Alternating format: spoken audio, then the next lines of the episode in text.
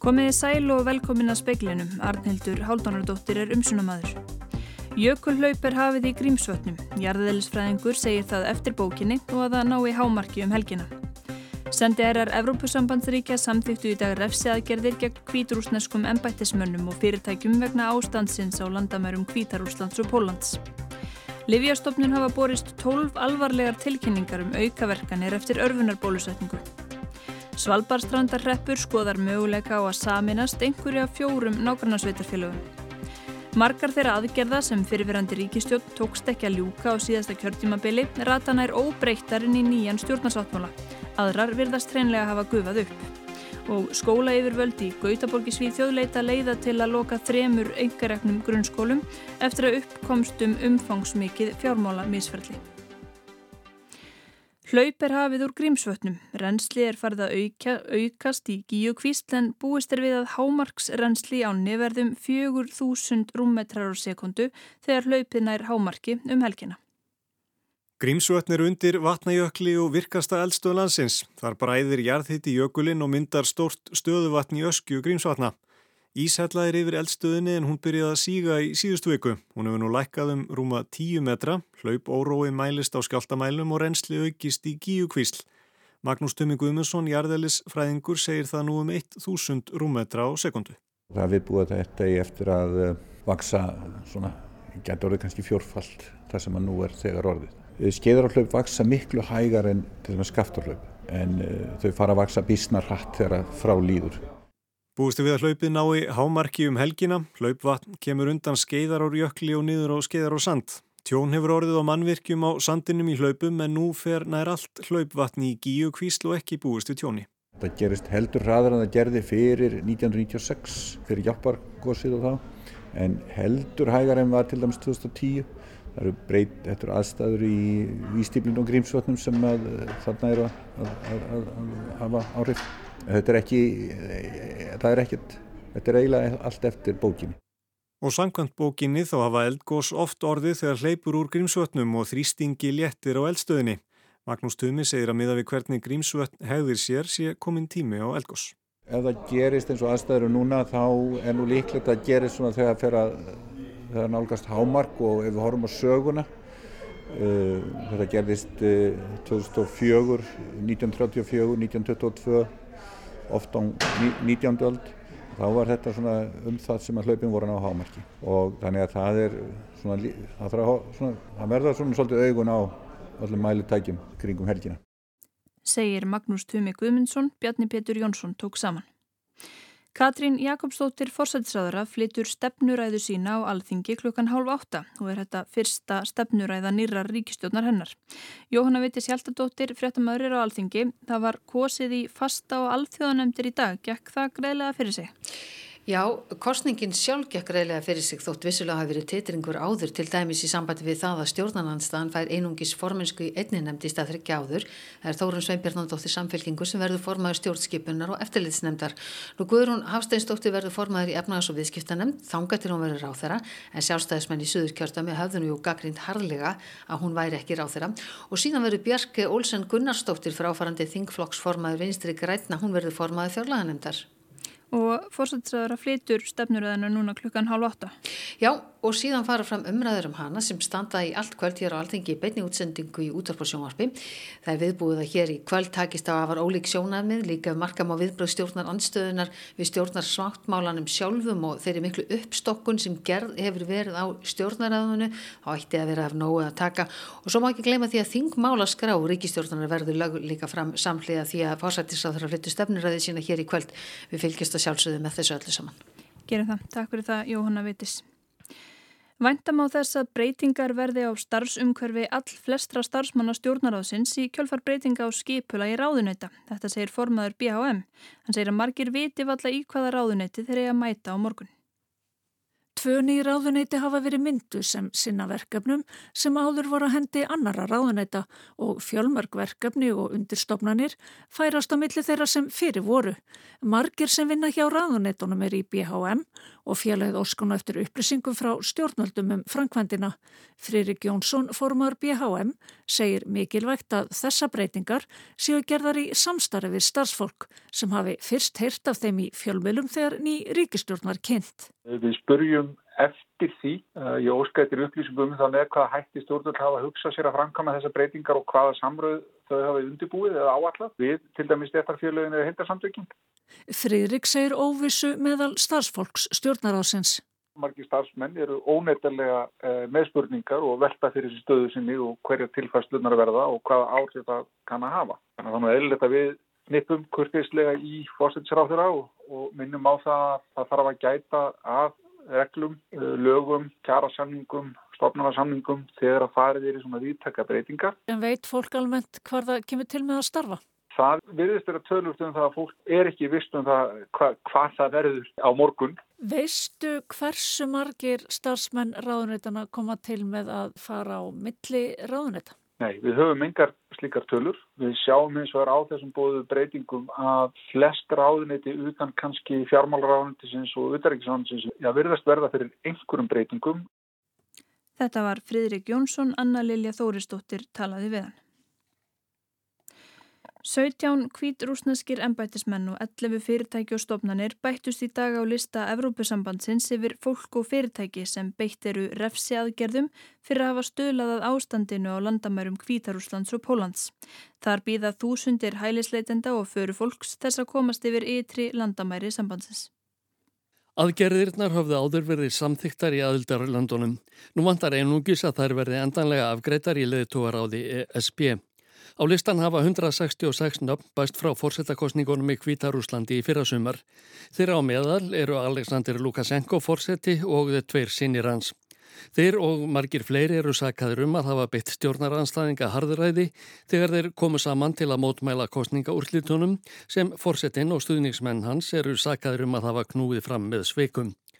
Þá er talið að fórsetin hafi staðið að því að flytja hælisleitendur til Kvítarúslands, engum frá miðausturlöndum, til að koma Evrópusambandinu í vandræði í hemdarskinni fyrir refsi aðgerðirnar. Frankvanda stjórn eða spélagði til í dag að reglum um meðferð hælisleitenda erði breytt tímabundið í Pólandi, Lettlandi og Litáen. Í stað þess að afgreða umsóknir þeirra um hæli á tíu dögum verði fresturinn lengtur í fjórar vikur og jafnvel fjóra mánuði í sumum tilvikum. Oxfam og fleiri mannrettindasamtök hafa mótmælt þessu. Að sögna amnesti er ástandið á landamörunum ekki slíkt að þörf sé á að breyta neinum reglum. Áskir Tómasson saði frá. Livjastofnun hafa borist 185 tilkynningar um aukaverkanir eftir örfunarbólusetningu, þar af 12 alvarlegar. Frá upphafi hafa stofnunni alls borist átt í 6.000 tilkynningar um aukaverkanir eftir bólusetningu við COVID, þar af 241 vegna grunns um alvarlegar aukaverkanir og 32 andlót. Samkvæmt svari frá Livjastofnun við fyrirspurn fréttastofu hafa í heild borist 935 tilkynningar um tröflun á tíðarhing og 10 sem varða fósturmiska en einungis 32 tilkynningar hafa borist vegna aukaverkana hjá börnum 12 til 15 ára. Tilkynntar aukaverkanir eftir örfunarbólusetningu eru svipuð einkenni og tilkynnt hafði verið um eftir fyrsta eða annan skamt bólusetningar. Tólf voru um alvarlegar aukaverkanir sem þýðir lífsættulegt ástand eða sem leiði til dauða, sjúkrásvistar, föllunar eða fæðingargalla. Með við tölur yfir tilkynnt andlát eftir bólusetningu gætu fimm andlát verið eftir örfunarskamt. Þess ber að geta að tilkynningar til livjastofnunar eru vegna grunnsum aukaverkanir og ekki staðfest orsaka samband við bólusetninguna. Alma Ómarsdóttir saði frá. Sveitarfélagið Svalbardstrandarreppur íhuga nú valkosti í saminningamálum. Vinna við að kanna saminningar möguleika Svalbardstrandarrepps hefur staði yfir nokkur ár en íbúafundur var haldin í vikunni til að skoða hvaða valkostur væri stöðunni og hvort hefja ætti saminningar viðræður. Sveitarfélagið er þannig staðsett að kostirnir eru nokkrir. Björg Erlingsdóttir sveitastjóri Svalbardstrandarrepps segir nákarna sveitafélagin, Grítubakkarrepp, Eyjafjörðarsveit, Hörgarsveit og Akurabæ koma öll til greina. Það er allt opið í sjálfu sér það fyrir allt eftir í hvar bara áhersluðun okkar liggja og hvað, hvað það er sem við sjáum fyrir okkur. Þannig að við erum bara svolítið á þessum þreyfingarstað. Þetta eru svona óformlegar viðræðir sem við í rauninni stöndum framifyrir núna. Er svona miða við litla einfaldakönnun sem var gerð að, að þá hérna, munar ekki miklu á hvort að fólk hafi áhuga á saminningu eða ekki. Ef að sveitafélagið yrði fjölmennara þá held ég að fleiri myndu óska eftir því að það yrði sjálfstætt. Í sveitarfélaginu búa tæplega 500 manns og það stendur ágætlega en Björg segir að auðvita njóti íbúar góðsa því að búa nálagt þjónustu og akureyri. Nú hérna líkur þessu starfi sem við vorum að fara í núna og, og það er stutt í næstu sveitarstandakostingar þannig við erum með þetta efni allt saman tilbúið fyrir þá sem að taka síðan við eftir halvt ár. Þannig við gerum ráð fyrir því að, að ný sveitarstjórn setjast niður og, og ákveði næstu skref. Saði Björg Erlingsdóttir, Anna Þorbjörg Jónarsdóttir tók saman. Tilnefningar til Íslensku bókmentaverlunina voru kynntar síðdegis á kjærvalstuðum. Verlunin verða aðfendum mánaðamótin janúar-februar í þremur flokkum. Flokki barna og ungmennabóka, fræðibóka og rita almenns efnis og skáldverka. Allar tilnefningarnar má sjá á vefnum rúf.is.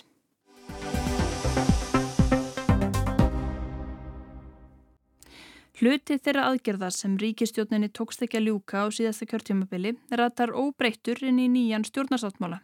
Sum lofórðanna eru þar í breyttri mynd, önnur virðast hafa gufað upp. Stjórnarsáttmálinn snýst fyrst og fremst um stóru áskoraninnar framöndan. Þegar hann er letin, lesin yfir Það má sjá að við munum leggja mikla áherslu á loftslagsvána og umhverfismál sem eru þetta eina af stærstu áskorunum sem við stöndum frammi fyrir í samtímanum. Í sáttmálunum að finna ríka áherslu á heilbriðismál og öldrunarmál þar sem Nýr stjórnarsáttmáli sjálfstæðisflokks, framsóknarflokks og vinstri græna var kynntur á sunnudag. Það er að finna lista með 213 verkefnum. Sum kunna þó að sögn upplýsingafulltrú á fórsættisraðanetisins að fela í sér fleiri en eina aðgerð. Vinna við greiningu fer fram á næstu dögum í samstarfi ráðunitina og því stittist því að endanlegur fjöldi aðgerða liggi fyrir. Ég myndi nú segja að þetta sé ekki útbólkið af lofórðum þessi sáttmáli.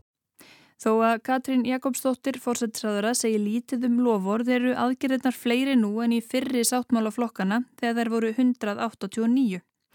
Flest verkefnanna 213 í nýjum stjórnarsáttmála eru frekar almennt orðuð. Þá að stuðlað mörgu, móta stefnu, ebla og stuðja hitt og þetta. Greining fréttastofu leitt á dögunum í ljós að meiri hluti aðgerðana var óskilgreindur, ótímasettur og útfæslan óljós. Sumum finnst sáttmólinn frekar líkjast innkaupalista en aðgerða áallun, en svona eru stjórnar sáttmólar ju oft, þetta eru stóru línurnar. Skömmu fyrir kostningar gerðu ríkistjórnaflokkarnir upp síðasta kjörtímabil á bladamannafundi í Reykjanesbæ, sögðu frá stöðu aðgerðina 189 í sáttmálunum frá 2017. Það hefur nú tekist að ljúka 138 aðgerðum og 189 stjórnarsáttmálunum, það eru 75% og um fjórðungur aðgerðin er komin vel á veg. Þessi ríkistjórn sem var nú nokkuð óvenjulega samsett í upphafi, hún hefur skilað góðu verki. En á sama tíma í raun og veru glímt við það sem að allur heimurinn hefur þurft að glíma við daldið óvænt, sem er svona alheimsfaraldur. Matið á aðgerðunum var huglægt, sjálfsmat í raun og hægt að klóra í ímislegt. Aðgerðirnar voru misvel skilgrindar og ekki alltaf auðvelt að ráða af heitið þeirra hvað þurfti að uppfylla til að ljúka þeim. Flestar aðgerðana sem ekki naðust að ljúka voru saðar komnar vel á veg. Það er mótaðara mestu og niðurstaði auksín. Það vætti aðteglega að þar á meðal var miðhálendi stjóðgarður sem engin samstæða var um í stjórninni. Í þessum pistli beinum við sjónum að örlugum þeirra aðgerða sem ekki tókst að ljúka á síðasta kjörþumubili eða hluta þeirra en það erfitt að reyfa afdrif 51 aðgerðar í stuttumáli. Skiluðu hálfkláraðar aðgerðir sér inn í nýjan sáttmála. Byrjum á endur nýjuðum og nánast óbreyttum lofórðum. Stjórnvöld ætla líkt og þau ætluðu sér á síðasta kjörtjumubili að lögfesta samning saminuðu þjóðuna um réttindi fallas fólks og áfram er stemt að því að fjölga hlutastörfum fyrir fólk með skerta starfsketu. Stjórnvöld ætla að halda áfram að fjölga fríverslunarsamningum og ebla geðheilbriðstjónustu og klára vinnu við að styrkja stöðu brotaþóla í kynferðisbrotamálum en það á að leggja fram uppfært frumvarp um það. Það á sem fyrir að byggja upp þjóðarleikvang í Laugardal, endur skoða nýsköpunasjóð atvinnulífsins og vinna áfram að því að fjármögnun háskólastiksins nái meðaltali Norðurlanda fyrir árið 2025. Svo er það lofur sem að snúa aftur en í nokkuð breyttri mynd. Í sáttmálunum frá 2017 bóði ríkistjónin heildar endurskoðun á stjórnarskráni í þver pólitísku samstarfi með aðkomi þjóðarinnar. Svo fóra frumvarp fórsættisraðura um nokkrar breytingar á stjórnarskráni var ekki afgreittur nefnd. Í nýja sáttmálunum er ekki að finna neinn lofvorðum heildar endurskoðun. Fel á sérfræðingum að skoða þau ákvæði stjórnarskarunar sem snerta alþingi, kostningar og kjördamaskipan og domstóla. Ekkert er minnst á aðkomu almennings í staðin á að efna til samstarfsvið fræðasamfélagið. Framhald vinnu við stjórnarskrár breytingar verður svo metið í framhaldinu. Á fleiri núta þurft að högva í stað miðhálendis þjóðgarðar sem vinstri grænlögðu mikla áherslu á á að stopna þjóðgarð á friðlýstum svæðum og jöklum á hálendinu. Í sáttmálunum frá 2017 lofuðu stjórnvöld að færa tekjur af gistináttagjaldi til sveitafélagana. Skatturinn hefur verið feldur niður til að breðast við heimsfaraldrinum. Vegna áframhaldandi samdráttar og óvisi í ferðarþjónustu leggja stjórnvöld til að gjaldið verði ekki innheimt fyrir en árið 2024. Þá að vinna breytingum á fyrirkomulagi gistináttakjalds í samvinni við greinina og sveitafjölögin með að markmiði að sveitarfjölögin njóti góðs af gjaldtökunni. Ekki er skýrta hver miklu leiti tekjurnar að skila sér til sveitafélagana. Hver eru viðbröð Aldísar Hafsteinsdóttur formans sambands sveitafélaga við þessu? Já, fyrst og fremst eru það auðvitað vonbreyfi að gistináttagjaldið skild ekki vera fært til sveitafélagana á síðasta kjörtjafnfili eins og kom fram í stjórnarsáttmálanum þá. Við erum búin að vera að vinna að þessu, við erum búin að hafa þetta í okkar stefnumörkun í eh, allt síðasta kjörtjafnfil og það er á endan líka. Þannig að þetta eru mjög mikil vonbreyfi. En auðvitað munum við bara standa vörð um uh, þennan tekjustopp sem við teljum nöðsilega fyrir sveitafélagin. Og hvað lestu út úr þessu nýja orðalagi? Hljómar þetta eins og þið eigið að fá minni hlut ef, ef að af því verður að þið fáið eitthvað af þessu? Það er erfitt að lesa í þetta orðalag. Ég ótt að spila lítið að segja að tala þarna um að við fáum ekki, fáum ekki þetta fullu.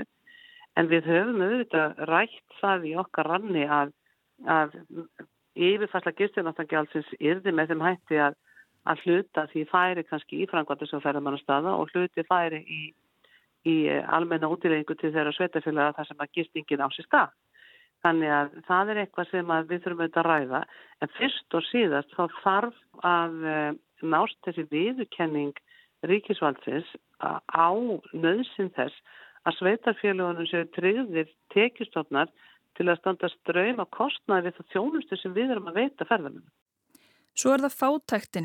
Í gamla stjórnarsáttmálunum lofiðu stjórnvöld að gera úttækt á kjörum tekjulegstu hópana í samfélaginu, gera tilögur að úrbótum og fylgja þeim eftir.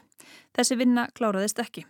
Inga Sæland, formaður flokksfólksins, hefur gaggrínt að í nýja sáttmálunum sé ekkert minnst á fátækt fólk. Þar er raunar ekki heldur minnst á tekjulága hópa eða efnaminni.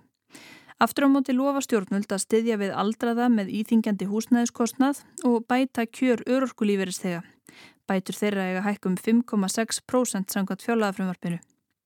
Inga Sæland og Steinun Þóra Árnadóttir, þingmaður Vinstir Grætna, tókust á í spekli gerdagsins. Inga saði nýtt fjólaðafrömmarp bóða áframhaldandi kjaragliðnun en Steinun saði aftur á móti verið að styðja betur við tekjulegstu hópa samfélagsins. Mér finnst aumt að tala um einhverja kjara bót fyrir þessa hópa þegar að verðbólgan og annars líkt og, og, og samfélags ástandi verður þess valdandi að þau ekki eina einustu, einustu krónu umfram það sem þau eru búin að vera með núna í öllu sínu hókri. Það þarf að sko, lesa aðeins dýbra ofan í texta og ofan í fjárlega tillögur en að fara í einfalda orðalit en það er svo sannlega verið að leggja áherslu á tekil og hópana. Sum lovorðin í gamla sáttmálunum hurfu einfallega, þar á meðan lovorðum innleiðingu keðju ábyrðar í ólíkum atvinnugreinum. Þetta var stort mál fyrir örfáum árum en hefur fengið minna vægi í umræðinu undanfarið. Áformum eigandastefnu fyrir landsvirkjun og önnur orkufélög með sértækum viðmiðum um eignarhald og stjórnarhætti virðast líka horfin. Árið 2017 lofiðu stjórnvöldi að afnema verðtrygging og neytendalánum. Þetta markmið kvarf og sömulegis áformum að tryggja fíklum viðunandi meðferðarúræði. Áformum að koma upp þjóðarsjóði hafa líka gufað upp. Hann átt að virka sem eins konar áfalla vörn fyrir þjóðina og í hann átt að greiða arð af auðlindum landsins, engum greiðslur frá landsvirkun til að byrja með. Hluta þessa fjár átti svo að nýta til að byggja pjúgrunarheimili. Frumvarpum sjóðin var lagt fram í tvígang en ekki afgreitt, svo skall á heimsfaraldur og þá var stopnunans slegið á frest því ríkisjóður þyrta á öllum sínum fjármunum að halda til að fjármagna hallaregstur og skuldasöfnun. Talandum hjúkrunarheimili áformum að tryggja rekstrar grundvöld þeirra og ráðast í stórsókn í uppbyggingu voru áberandi í síðasta sáttmála. Í þeim nýja er aftur á móti ekkert minnst á hjúgrunarheimili en þess getið að ný stefna um þjónustu við eldra fólk sem á að vinna í miklu samráði við hagsmunnaðila verði grundvöldur vinnu við aðgerða áallun til fimm ára.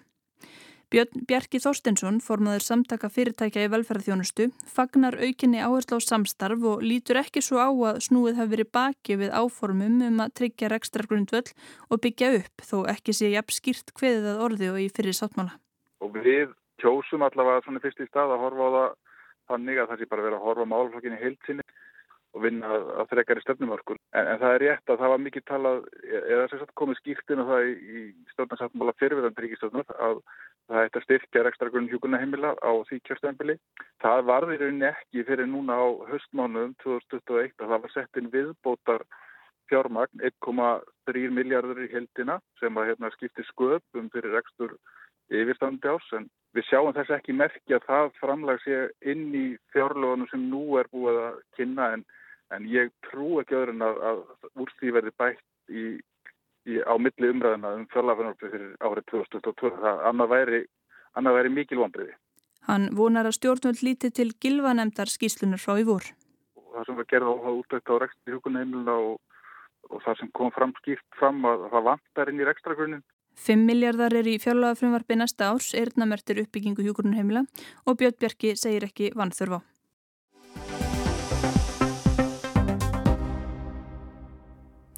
Skóla yfirvöldi í Gautaborgi Svíþjóð leita nú flestra leiða til að loka þremur engareknum grunnskólum eftir að uppkomst um umfangsmikið fjármála misferli. Skólastjórnendur hafi verið gaggríndir undanfarna tvo áratugji meðal annars fyrir að skipta nefendum upp eftir kynjum og neyða þá til að taka þátt í bænahaldi. Annar engareikin skóli í Örubró hefur greitt jafnverði um 18 miljóna til félagsins sem rekur mosku í Ímishúsinu í Reykjavík. Kári Gilvarsson tekur við. Römósaskólanir eru þrýr grunnskólar í og við Angeret, eitt af fátækari útkverfum Gautaborgar. Rífilega 600 börn eru í skólunum þremur og tæplega 30 á leikskóla sem rekin er af sömu stopnun.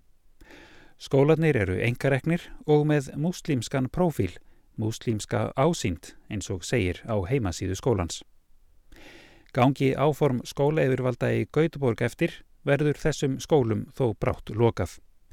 Ástæðan er meint efnagsbrot fyrirvarandi skólastjóra og vanhæfni flestra þeirra sem sitja í stjórn stopnunarinnar sem rekur skólana.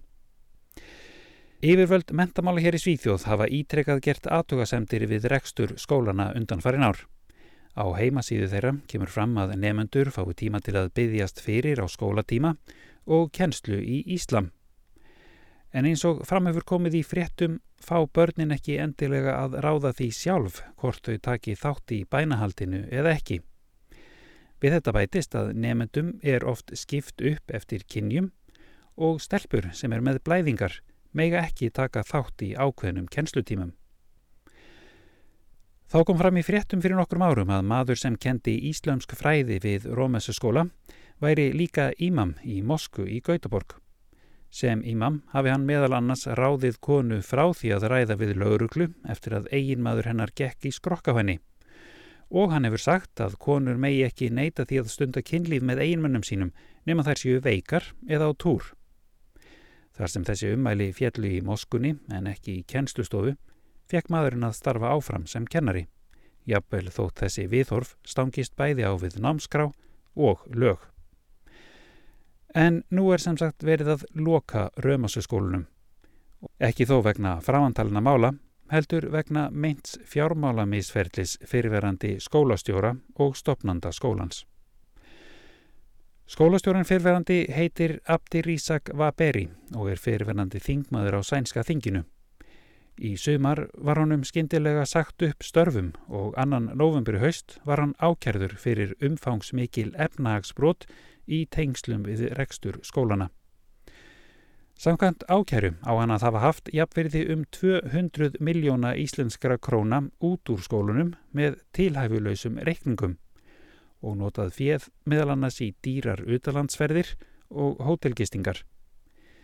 Háar fjárhæðir hafa einnig runnið til samtaka og stjórnmálaflokks í Sómalíu.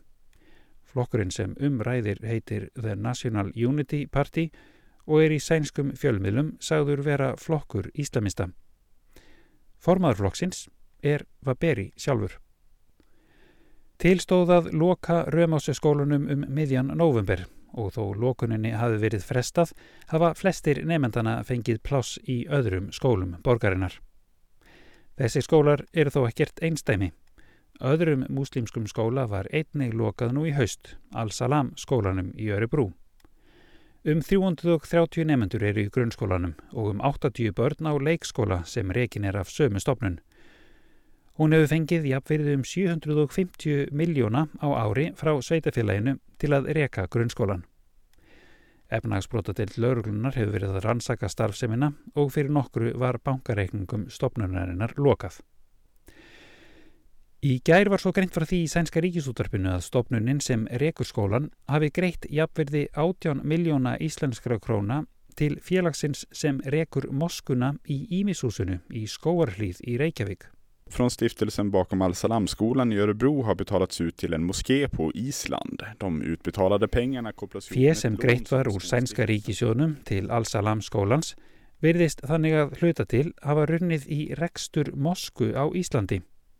Í bókaldi skólans er þetta skráð sem greiðslur inn á 120 miljón króna lán sem félagið á Íslandi hafi veitt skólanum. En Magnús Normark sérfræðingur í varnanmálum hér í Svíþjóð sem rætt var við í frétt sænska ríkisútörfsins, segir eins vegar að félagið á Íslandi hafi verið mjög fjárþurfi. Það séu vísbendingar um að stopnunin sem rekur skólan í Örebrú hafi einfallega séð íslenska félaginu fyrir peningum. Det, det finns indikationer på att uh, den här svenska stiftelsen har, har försett de, de andra skandinaviska stiftelserna med, med pengar helt enkelt. Áður hefur komið fram í fréttum sænska ríkisútarsins að Al-Salam skólinn sé tengtur aðilum í Sáti Arabíu, þar á meðal samtökum með tengsl við hriðjverkasamtökin Al-Qaida. En þótt sögu Römásskólana þryggja hér í Gautaborg sé líklega að ljúka, virðist ný saga verið að hefjast í Stokkólmi. Stjórnarformaður stopnunarinnar sem rekur Römásskólana hefur opnað nýjan skóla í Róksveit í Stokkólmi á samt fleiri stjórnarmönnum. Aftonbladet hefur eftir lögfræðingi hjá yfirvöldum mentamála að fjórir af fimm stjórnarmönnum skólans séu í raun óhæfir til að reka grunnskóla. Málið er til skoðunar hjá yfirvöldum mentamála en svo skoðun tekur líklega um hálft ár. Kjensla í nýja skólanum hófst í haust. Þetta er Kári Gilvason sem talar frá Gautaborg. Og það var meðal efnis í speklinum í kvöld að jökulhlaup er hafið í grímsvötnum, jarðeðlisfræðingur segir það eftir bókinni og að það ná í hámarkjum helgina. Sendiherrar Evrópusambandsríkja samþugtu í dag refsi aðgerðir gegn kvíturúsneskum embættismönnum og fyrirtækjum vegna ástandsins á landamærum Kvítarúslands og Pólans. Formaður bandalags háskólamanna segir að breytingar verði á starfsumhverfi all flestra starfsmannastjórnaráðsins í kjölfar breytinga á skipula í ráðuneyta. Margir viti valla í hvaða ráðuneyti þeir eigi að mæta á morgun. Livjastofnun hafa borist 12 alvarlegar tilkynningar um aukaverkanir eftir örfunabólusetningu og Svalbardstrandarreppur skoðar möguleika á að saminast einhverja fjórum nágrannasveitarfélögum. Veðurhorfurnar, allkvöss eða kvöss suðaustanátt í nótt með snjókomu og síðar rigningu eða slittu en hægari vindur og víða skúrir eða jél á morgun, línar í veðri. Fleira er ekki í spekli kvöldsins, Mark Eldredd sendi út, veriði sæl.